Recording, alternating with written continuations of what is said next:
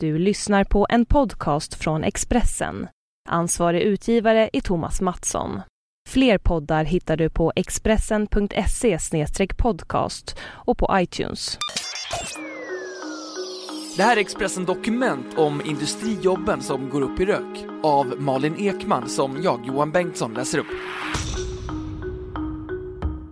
När Sabina, Mikael och Jessica slutade skolan behövde de inte fundera på att läsa vidare. Jobben väntade på dem. Sen kom varsel och rationaliseringsvågen. Maskiner och utländsk arbetskraft kunde utföra arbetet billigare än dem. Hittills 2014 har det kommit dåliga nyheter till orter som Långshyttan, Perstorp och Ronneby. Industrijobben försvinner ett efter ett. Kvar står Sabina, Mikael och Jessica och en glesbygd i behov av hjälp.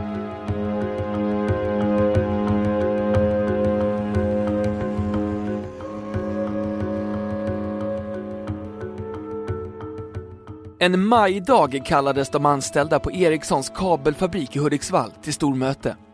Mindre än en månad senare skulle industrisemestrarna infalla och fabriksgolvet avfolkas, men något som var på gång redan nu. Det stora mötesrummet tömdes på möbler och försågs med en provisorisk scen. Luttrade efter tidigare uppsägningar förstod de anställda att fler varsel nog stod på tur. Ändå var det en chock när beskedet kom. Ericsson, telekomjätten som tagit sig igenom svåra tider förr och som nu hade Hudiksvallssonen som högste chef, skulle stänga ner hela kabeltillverkningen. Alla tittade på varann. Ingen förstod någonting. Det var som att släppa en bomb, säger Sabina Nelson som arbetat på fabriken i 36 år, när hon blev varslad den där tisdagen i maj förra året. Hon kom till fabriken 1978, direkt från klassrummet Jobben fanns på bruket Iggesund, familjeföretaget Sundin och telekomjätten Ericsson. Sabina hade inte tänkt att stanna i fabriken längre än ett par år, men blev kvar. Förmiddagsskift ena veckan, kvällsskift andra.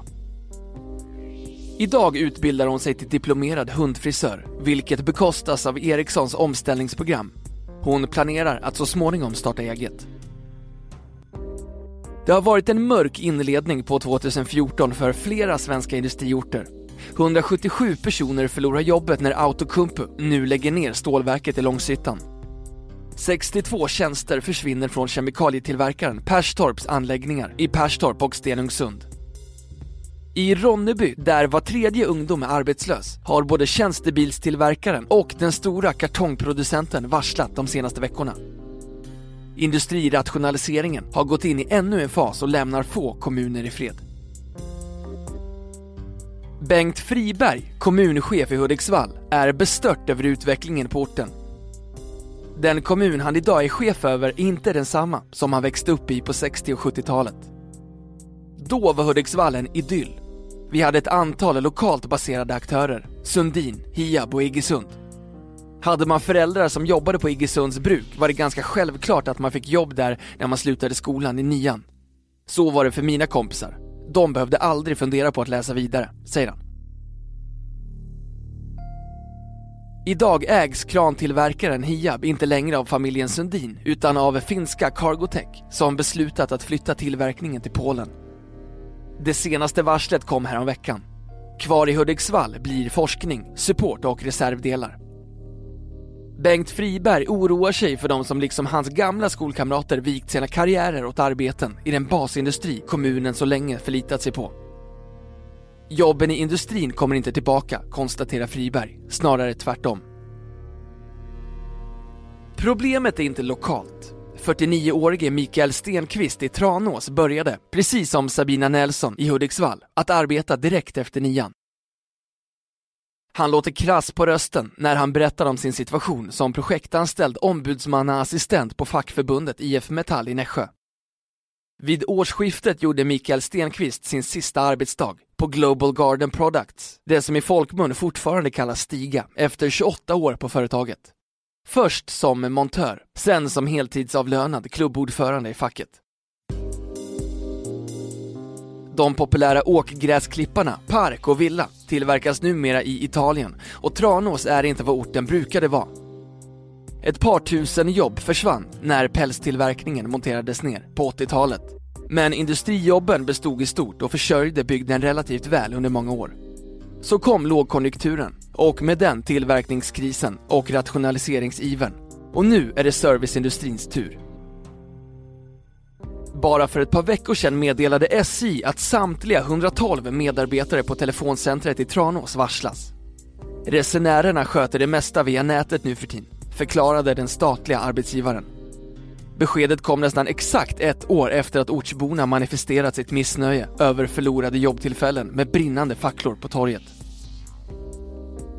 Det har varit smäll efter smäll. Träindustrin drog ner. Bosch Termoteknik har också dragit ner och nu SJ, säger Mikael Stenqvist. Varselvåg efter varselvåg på orten har gjort honom hårdhudad. Samtidigt är han försiktigt hoppfull inför ett tillväxtprojekt i regi av IF Metall. Att studera sig till anställningsbarhet är han däremot tveksam till. Nu har jag precis betalat av lånet på huset. Ska jag sätta mig på skolbänken igen och ta en halv miljon i lån för att arbeta i tio år till efter studierna? Det känns så där när jag inte själv har valt att bli arbetslös, säger han.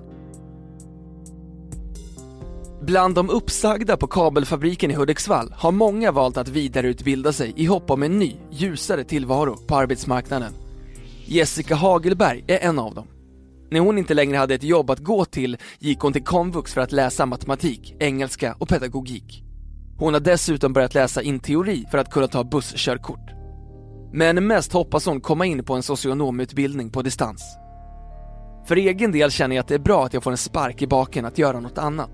Men så många jobb som varslats i Hudiksvall går inte att täcka upp för, säger hon. Jessica Hagelberg hade arbetat på Ericsson i 18 år när hon passerade informationsbladet där det stod “Möte klockan 15” på väg till sitt kvällsskift. När hon såg lokalen tömmas på möbler och mannen längst inne, som inte såg ut att höra hemma i fabriken, förstod hon. När han berättade att han var personalchef på Ericsson och sa att det här var det svåraste man kan göra, då var det bara okej, okay, godnatt. Jessica har svårt att förstå de ofta storstadsbaserade debattörer som säger att finns det inga jobb så får ni väl flytta. Det är lätt för en annan person att säga så. Jag är utan jobb, men inte min man. Jag kan inte be honom att säga upp sig för min skull. Man vill inte slita upp hela familjen, säger hon. Emma Lundholm, lektor i kulturgeografi vid Umeå universitet, den typ av industrijobb som vi pratar om finns inte riktigt någonstans. Strukturomvandlingar går ju inte att stoppa. Frågan är bara hur smärtsam processen blir innan kommunerna hittar nya arbetstillfällen, säger hon. Jessica Hagelberg igen. Den äldste går i gymnasiet här. Inte får du henne med mig. Man vill ju hålla ihop sin familj. Om jag var själv hade det varit helt annorlunda, säger hon.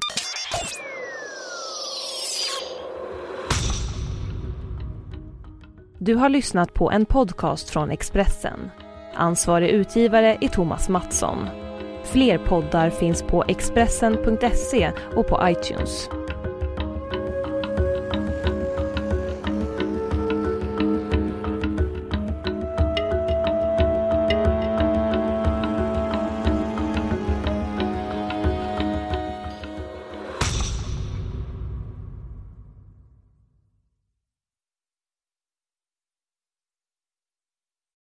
Ny säsong av Robinson på TV4 Play.